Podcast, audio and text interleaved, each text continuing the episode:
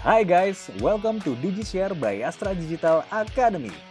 Podcast ini hadir untuk berbagi insight dari dunia digital yang dikemas lewat diskusi menarik yang diharapkan bisa menambah wawasan, perspektif baru, dan inspirasi. Di episode ke-11 ini, kita akan mendengarkan diskusi antara Febriandi Rahmatullah, Division Head of Big Data and Analytics Astra Digital, bersama Benny Setiaji, Lead Market Research and Pricing Astra Digital, dan Kuni Aziza, Customer Research Analyst Astra Digital. Dalam diskusi ini, bukan big data yang akan kita bahas, melainkan small data. Jadi, apa itu small data dan penerapannya? Biar nggak penasaran, langsung aja let's hear them out. Halo semua, eh, selamat datang di Astra DigiShare. Gue Febri, Division Head Big Data Analytics Astra Digital. Nah, kemarin kan kita udah ngobrolin tentang CVM ya, Customer Value Management bareng Irwan. Sekarang gue bakal ngajak teman-teman dari Market Pricing and Research, tim gue. Di sini ada Benny sama Kuni. Benny, Kuni, apa kabar? Alhamdulillah Mas, sehat. Alhamdulillah sehat Mas. Febri gimana? Oke, okay. Baik, baik, baik. Thank you, thank you, thank you. Di sini kita temanya kita bakal ngobrolin tentang small data ya. Kebanyakan kalau lagi kita ngomongin data itu yang hype, yang rame itu yang diomongin big data. Big data, big data, big data analytics gitu. Sekarang kenapa sih kita harus care sama small data? Nah, makanya gue bawa Benny sama Kuni di ngobrol kita, kita kali ini. Nah, sekarang buat Benny, Kuni boleh mungkin memperkenalkan diri. Benny dulu kali ya, habis itu Kuni. Apa sih lo kerjain di unit market research and pricing ini sebenarnya? Silakan Ben. Terima kasih Mas Febri atas pertanyaannya. Jadi di sini saya sebelumnya akan menjelaskan dulu kenapa sih ada unit market research and pricing ini. Jadi unit ini dibentuk atas ide sederhana ya. Jadi nggak semua insight yang dibutuhkan untuk support bisnis itu kita bisa generate dari data internal yang kita miliki. Beberapa insight itu memerlukan eh, data-data yang berasal dari eksternal. Nah, data yang eh, dari eksternal ini biasanya kita melakukan dua pendekatan gitu ya, Mas. Jadi yang pertama itu melalui dengan cara mencari informasi yang tersedia untuk publik yang ada di internet. Nah, itu kita bisa ada beberapa pendekatan juga bisa secara kita ambil data dari web internet dengan menggunakan namanya metode web scraping dan yang kedua bisa dengan data-data yang disediakan oleh biro-biro pemerintahan maupun non pemerintahan. Kemudian untuk yang pendekatan kedua itu kita bisa dengan cara menanyakan langsung ke konsumen. Jadi untuk mendapatkan uh, informasi-informasi tersembunyi yang mendalam dari konsumen kita, kita bisa melakukan pendekatan dengan menanyakan langsung kepada mereka, yang biasa juga disebut uh, research gitu ya. Oke, jadi uh, intinya uh, dua cara lah ya, sama-sama cara apa sama-sama nyari data di luar data yang ada di database kan karena gue ngerti sih nggak semua informasi yang lo perluin itu selalu ada di database. Kalau misalkan konsumen lo cuma mewakili 10% populasi yang lo mau observasi terus cuma mewakili spesifik segmen doang itu ujung-ujungnya jadi bias gitu. Kalau lo cuma terpaku sama data yang ada di database gue ngerti. Selanjutnya gue pengen pengen dapat formasi lebih uh, dalam ya. Mungkin teman-teman yang dengerin juga perlu informasi yang lebih dalam. Sebenarnya kenapa sih kegiatan riset baik itu eksplorasi data eksternal hasil scraping atau data-data sekunder dari biro pemerintah atau biro yang lain nanya langsung ke konsumen itu penting banget gitu. Kenapa sih menurut lu itu penting banget buat dikerjain? Oke jadi dari pendekatan yang kita lakukan tadi kan ada dua pendekatan. Nah untuk pendekatan yang pertama yaitu uh, mengambil informasi dari yang tersedia secara publik di internet itu tadi sesuai yang sudah dijelaskan yaitu ada dua cara web scraping maupun data sekunder dari biro-biro pemerintahan maupun pemerintahan. Nah, mungkin sebenarnya saya akan menjelaskan secara singkat terlebih dahulu apa sih web scraping itu. Jadi web scraping itu adalah proses untuk mengumpulkan informasi teks yang ada di web internet yang itu bisa dibuka secara publik gitu.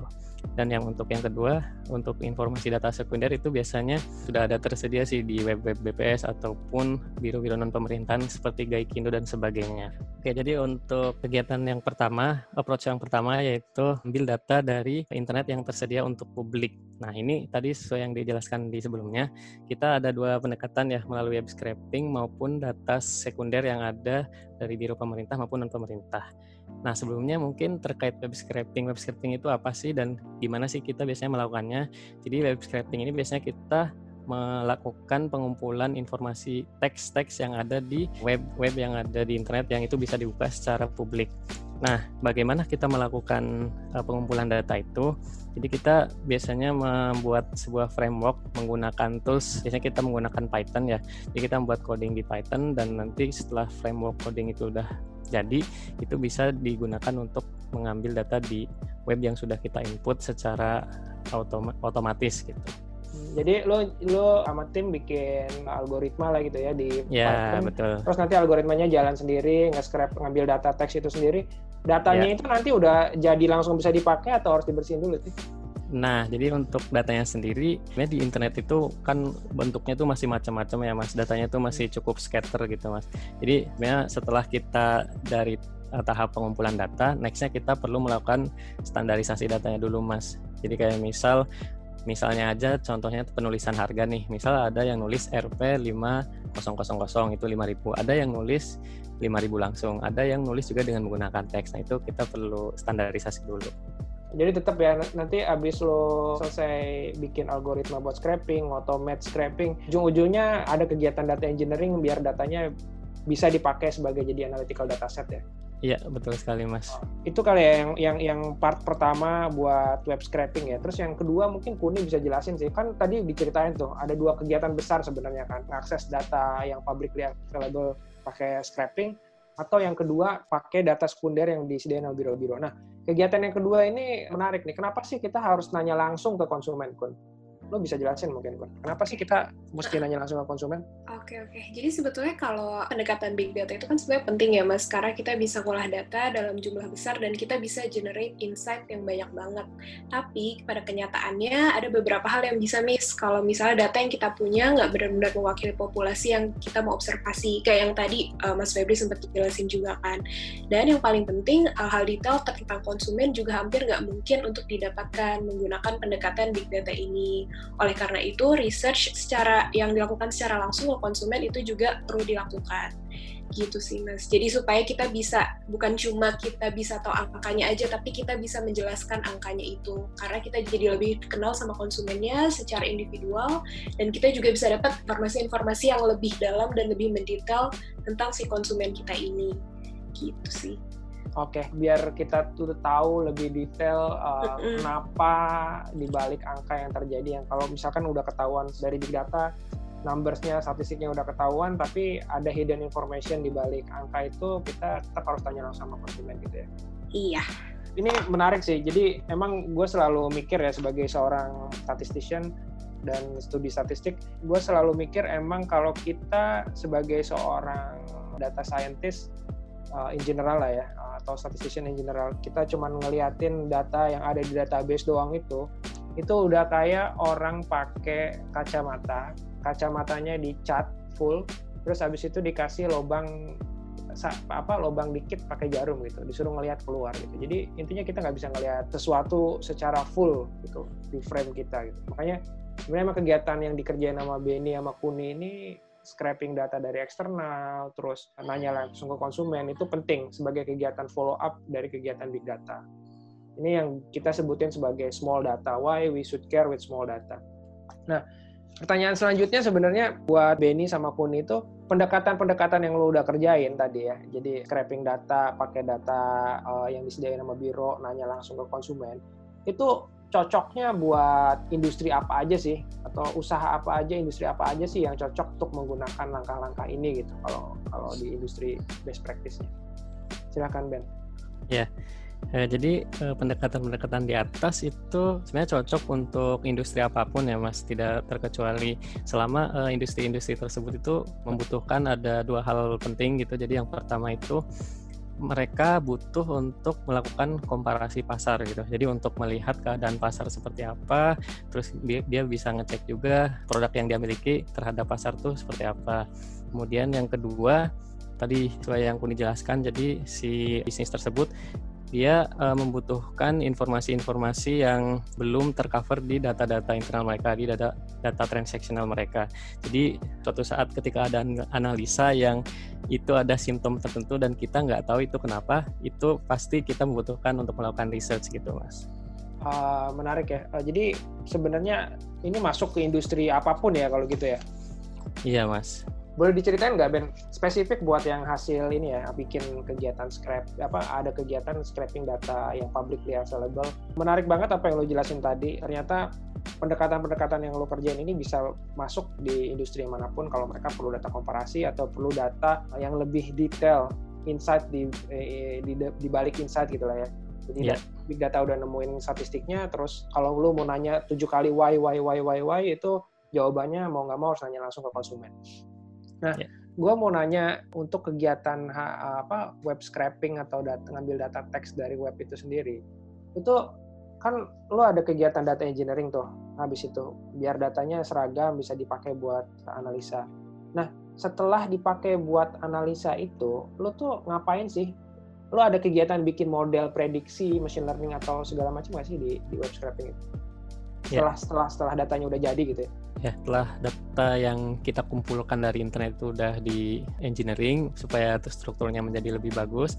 Nextnya kita ngapain sih selain analisa gitu ya. Jadi kan pertama kita pasti melakukan analisa dari data-data yang udah jadi tersebut. Analisa itu ya nanti mungkin bisa melalui deskriptif ataupun mengagregasi beberapa variabel di dalamnya. Jadi di samping itu kita juga bisa melakukan beberapa hal juga kayak misal melakukan yang kita lakukan itu ada namanya price prediction. Jadi kita dari uh, sumber web internet kita mengumpulkan informasi-informasi terkait harga dari sebuah produk dan beberapa variabel yang ada di produk-produk tersebut. Nah, dari data-data tersebut kita membuat sebuah model prediction untuk memprediksi harga berdasarkan data tersebut. Nah, sebenarnya untuk apa sih price prediction tersebut? Jadi, price prediction tersebut kan sangat penting ketika kita memiliki produk yang serupa gitu. Jadi, kita bisa membuat sebuah mesin prediction yang mungkin bisa kita gunakan baik secara internal ataupun untuk uh, konsumen produk kita. Jadi habis datanya lo scrap terus lo apa structure terus lu analisa bisa jadi data-data itu lu jadiin suatu uh, machine learning. Di mana nanti kalau ada case-case baru tinggal nanya sama machine learning itu dia jawab sendiri gitu kan. Misalnya yeah. lu mau ngecek harga HP bekas lah. HP bekas di pasaran tuh berapa? Tipenya tipe uh, ABC pemakaiannya udah sekian tahun nanti harganya sekian. Tipenya DEF pemakaian sekian tahun harganya sekian. Dibikin modelnya pas ada orang tanya, gue punya HP mereknya ini udah dipakai sekian tahun, kira-kira harganya berapa? Machine learning lo bisa langsung jawab kan. Yeah. Itu gunanya machine learning yang lo build dari data-data hasil scraping. Intinya biar bisa gampang nanti compare harga yang produk yang sama yang lo punya within price range atau out of price range. Itu kan. Oke. Okay. Ya, apa aja sih yang yang yang perlu dilakukan gitu kalau ada satu tusi atau perusahaan pengen ngerjain hal yang sama yang lagi lu kerjain sama berdua sama. What is the first thing first yang harus dikerjain? Oke, okay, pada tahap awalnya untuk dua pendekatan tadi ya untuk web scraping maupun untuk survei itu pasti awalnya kita harus memahami dulu background bisnisnya seperti apa dan kenapa sih kita melakukan itu tujuannya untuk apa seperti itu. Nah, mungkin bisa dengan menanyakan tiga pertanyaan sederhana ya. Jadi yang pertama kita harus tahu dulu apa yang ingin kita ketahui gitu. Terus yang kedua, kenapa sih kita membutuhkan ataupun membutuhkan untuk mengetahui hal tersebut? Dan yang terakhir, ketika kita udah tahu hal tersebut, nextnya kita mau ngapain gitu. Nah, tiga pertanyaan itu yang penting. Jadi di awal harus di, dipastikan dulu jawabannya seperti apa. Ketika kita sudah cukup clear dengan apa beberapa pertanyaan tadi, selanjutnya kita bisa memahami permasalahannya dan kira-kira pendekatan apa yang lebih cocok untuk kita lakukan? Apakah menggunakan metode pengumpulan data dari internet ataupun menggunakan metode kedua itu dengan melakukan research. Ketika kita sudah menentukan nih, misal kita pilih pendekatan yang pertama yaitu menggunakan web scraping. Nextnya apa aja sih step awal yang perlu kita lakukan gitu. Jadi yang pertama pasti kita harus mengecek dulu sumber informasinya itu ada atau enggak gitu, tersedia atau enggak di internet gitu. Misalkan saja kita ingin mencari harga sebuah produk A. Nah, kita cari tahu dulu nih di web ada nggak sih harga produk A ini gitu. Nah, ketika eh, produk A ini ternyata ada di web internet, maka kita bisa melanjutkan ke step selanjutnya. Tapi kalau tidak ada, ya otomatis kita stop di situ enggak, karena datanya emang nggak ada gitu. Nah, ketika datanya ada, nextnya kita ngapain? Jadi setelah kita menemukan sumber web informasinya di mana, selanjutnya kita mulai menyusun algoritma, mulai menyusun frameworknya untuk melakukan web scraping tadi. Jadi kita melakukan membuat sebuah coding, membuat framework di tools yang kita gunakan Python. Kemudian data tersebut akan bisa dikumpulkan secara otomatis. Dan setelah kita punya framework tadi, pengumpulan data otomatis, nextnya yang nggak kalah penting adalah menstrukturkan data tadi. Jadi karena data yang ada di tersedia secara publik di internet itu biasanya bentuknya masih cukup beragam ya, sangat scatter dan itu harus kita engineering dulu supaya lebih baku formatnya dan sehingga kita bisa mengenerate insight insight yang bagus lah karena datanya juga sudah cukup bagus. Oke, okay, Ben, waktu lo bikin framework algoritma framework di Python itu, itu fix apa enggak sih sebenarnya si framework yang lo bikin itu? Pertanyaan Mas Evi ini sebenarnya beberapa case kita ngalamin juga Mas di kenyataannya. Jadi setelah kita menyusun framework, otomatis kita harapannya itu bisa menjalankan secara otomatis pengambilan data dari suatu sumber web, misal katakanlah web A tapi kita tetap perlu memonitor framework tadi karena ketika si web A ini melakukan kayak perubahan tampilan gitu, pasti akan ada struktur di framework yang berubah juga. Dan otomatis kita harus uh, menyesuaikan framework kita dengan uh, perubahan yang ada di website itu. Karena kalau kita tidak melakukan perubahan, pengambilan data secara otomatisnya pasti akan berhenti gitu, error gitu. Oke, okay, thank you clear. Jadi nggak segampang itu ya. Lo bisa cerita secara gamblang, tapi pada kenyataannya pas lagi operasional itu nggak semudah itu. Lanjut ke Kuni kali ya. Kun, tadi kan kita ngomongin tentang data eksternal, scraping informasi dari data-data sekunder yang ada. Gue pengen tahu step-stepnya kalau kita uh, decide gitu ya untuk tanya langsung ke konsumen apa sih yang harus kita kerjain. What is first thing first yang harus kita kerjain okay. kalau kita decide buat tanya langsung ke konsumen. Oke oke. Jadi kan kita awalnya udah bisa menjawab tiga pertanyaan simpel yang tadi sempat dijelasin sama Mas Ben. Jadi kayak apa yang mau kita cari tahu, terus habis itu kenapa kita harus cari tahu itu, dan yang ketiga actionable plan-nya seperti apa. Nah, sebetulnya tiga hal ini juga perlu kita ketahui di awal karena uh, tiga hal ini akan kita gunakan untuk menentukan apakah kita akan melakukan research-nya secara kuantitatif atau kualitatif. Jadi secara garis besar, research ini kebagi jadi dua, ada yang kualitatif dan kuantitatif. Nah, kalau misalnya kualitatif, itu biasanya kita gunakan kalau kita masih ada di tahap awal banget dari pengembangan suatu produk atau service. Jadi bahkan bisa dibilang kita tuh belum tahu apa yang mau kita tahu, belum tahu apa yang kita belum tahu. Jadi kayak kita masih di tahap awal banget lah dari masih mencoba explore berbagai kemungkinan, berbagai opportunity dan lain-lain. Nah, dari riset kualitatif ini kita juga bisa dapat informasi yang lebih mendalam. Jadi mencakup pertanyaan why dan how. Nah, dua pertanyaan ini bisa dijawab melalui uh, riset kualitatif ini. Nah, sementara kalau misalnya temannya kualitatif, ada satu lagi namanya kuantitatif. Itu kita gunakan ketika kita sudah tahu apa yang kita nggak tahu. Jadi kayak kita udah udah ada dugaan-dugaan, udah ada hipotesis dan kita sudah ada di tahap validasi sama verifikasi aja. Jadi biasanya sih kalau aku aku ngelakuinnya dari kualitatif dulu terus baru dikuantitatifin. Begitu. Nah, selain kualitatif dan kuantitatif, ada juga hal lain yang kita pertimbangkan dalam memilih pendekatan yang tepat, yaitu apa sih yang sebetulnya mau kita cari tahu? Apakah kita mau mencari tahu apa yang user lakukan atau apa yang mereka katakan? Nah, kalau misalnya kita mau ngelihat perilaku, akan lebih cocok kalau misalnya kita melakukan observasi, misalnya dengan usability testing atau A/B testing. Jadi kalau misalnya usability testing ini kayak ada rancangan produk, terus kita minta user untuk memakai si produknya ini sambil kita observasi. Kalau misalnya A/B testing, kita kayak menyediakan dua versi dari suatu produk, terus kita bandingin behaviornya user tuh seperti apa. Nah, sementara kalau misalnya kita mau cari tahu apa yang mereka katakan, itu akan lebih tepat kalau misalnya kita pakai interview atau focus group discussion atau survei gitu sih mas. Oke, okay, clear banget. Jadi depend ya. Uh, kalau early stage ya kita mau nggak mau harus pakai kualitatif. Kualitatif kalau memang kita mau explore lebih jauh gitu ya. Dan kualitatif pun ternyata banyak banget pendekatannya. Thank you, thank you, clear banget. Nah, sekarang mungkin di apa terakhir-terakhir ini eh, gue pengen tahu sih apa sih challenge-nya buat nerapin price market and pricing analytics ini di, di yang lu rasain gitu ya selama ini. Mungkin Benny dulu silakan Ben. What is the challenge ya? Oke, okay. terkait challenge ya mungkin dari yang pertama terkait pendekatan dari web scraping ya Mas. Jadi sering kali di pendekatan ini mungkin beberapa hal yang kita ingin tahu itu di sumbernya itu tidak ada gitu. Jadi ya mau nggak mau kita benar-benar di stop di fase awal gitu. Kemudian yang kedua tadi mungkin sempat dijelaskan juga terkait date dari setiap web yang itu perlu monitoring dan monitoringnya juga nggak pasti gitu tergantung dari yang punya web itu mau merubah webnya seperti apa rutin seminggu sekali atau sebulan sekali dan sebagainya kayak gitu mas. Ini bisa tambahin mungkin? Oke, okay. Kalau misalnya dari sisi research, yang paling sering aku alami sih adanya stigma kalau riset kuantitatif lebih baik dari kualitatif. Mungkin karena orang sudah terbiasa melihat angka gitu, jadi ketika mereka melihat hasil riset kualitatif yang isinya teks, terus habis informasi mendalam, jadi mungkin orang-orang juga jadi kayak kurang familiar mungkin yang pertama dan mereka juga jadi agak bingung gitu bacanya. Padahal sebetulnya kalau misalnya kita lihat kedua riset ini tuh saling melengkapi. Jadi kayak gak mungkin ada riset kualitatif tanpa ada tanpa riset kuantitatif.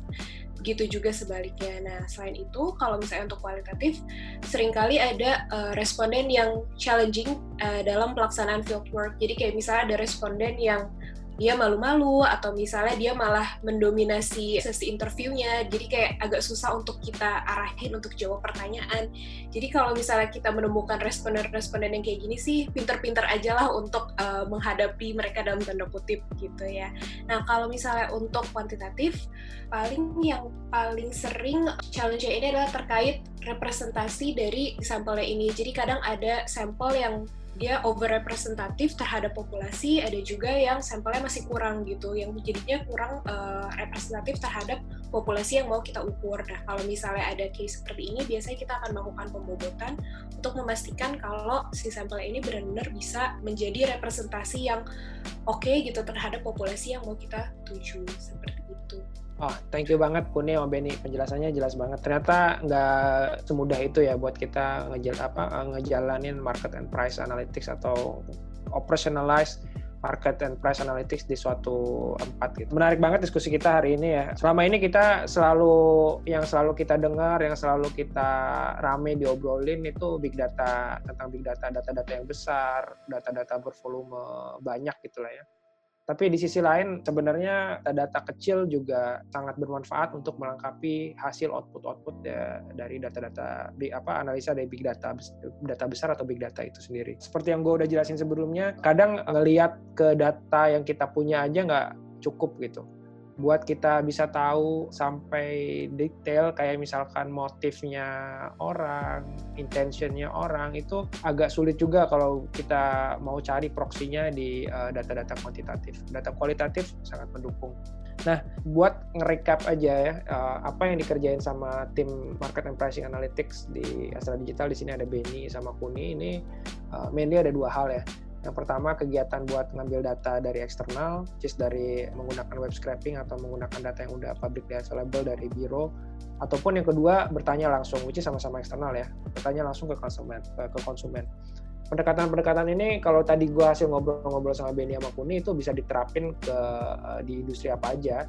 Kalau industri itu perlu pembanding within the market yang pertama, terus yang kedua perlu informasi lebih dalam, insight uh, hidden uh, insight langsung dari konsumen. Itu yang kedua. Terus yang ketiga, hal yang paling penting untuk dikerjain pertama kali sebelum kita memulai kegiatan market and pricing analytics di sini adalah understanding case dulu ya. Apa yang mau kita objektifnya, case-nya apa, karena gue sering dengar juga uh, understanding a problem is half uh, solving a problem. Jadi kalau kita udah ngerti masalahnya, itu sebenarnya udah setengah dari nyelesain masalah yang mau kita crack gitu. Nah, ada dua hal mungkin ya uh, yang dari sisi utilisasi data hasil scraping. Uh, kalau emang datanya ada, bisa di scrap ya kita kita scrap. Yang kalau nggak bisa ya kita harus cari data yang lain gitu. Sedangkan dari apa sisi bertanya langsung pada konsumen ada dua pendekatan juga. Kalau emang baru-baru banget risetnya uh, mungkin yang harus dikerjain itu kualitatif instead of kuantitatif. Tapi kalau kita mau explore lebih jauh itu kuantitatif. Dan yang terakhir pas gue dengar dari Benny sama Kuni juga banyak banget challenge ya buat ngerjain market and pricing analytics ini. Dari Benny tadi bilang bikin framework oh, sama algoritma buat scraping itu juga nggak gampang. Kadang berubah-berubah gitu. Terus on top of itu harus ngerjain data engineering dan bikin uh, machine learning. Di sisi Kuni ada stigma udah banyak dikenal sama orang-orang itu cuma big data. Small data itu uh, nggak penting gitu. Dan kalau orang itu terbiasa ngelihat sesuatu ada numeriknya, berapa persen, berapa nilainya kayak gitu. Sesuatu kayak motif intensi itu kadang nggak terlalu diperhatikan. Padahal itu juga penting. Jadi itu hasil diskusi kita atau ngobrol-ngobrol kita kali ini tentang market and pricing analytics uh, dengan Benny dan Kuni. Dan ini juga uh, sebenarnya yang mau gue sampaikan kenapa sih kita harus uh, care sama small data? Karena small data itu penting. Small data itu melengkapi output-output dari big data. Thank you, sampai ketemu lagi di podcast selanjutnya. Semoga podcast ini bermanfaat buat teman-teman. Jangan lupa untuk share podcast Astra Digital Academy ini ke teman-teman kalian. Follow juga akun sosial media kami di Instagram, YouTube, at Live Astra Digital. Juga cek website kita di www.astradigital.id untuk konten-konten informatif yang lainnya. Thank you. Bye-bye.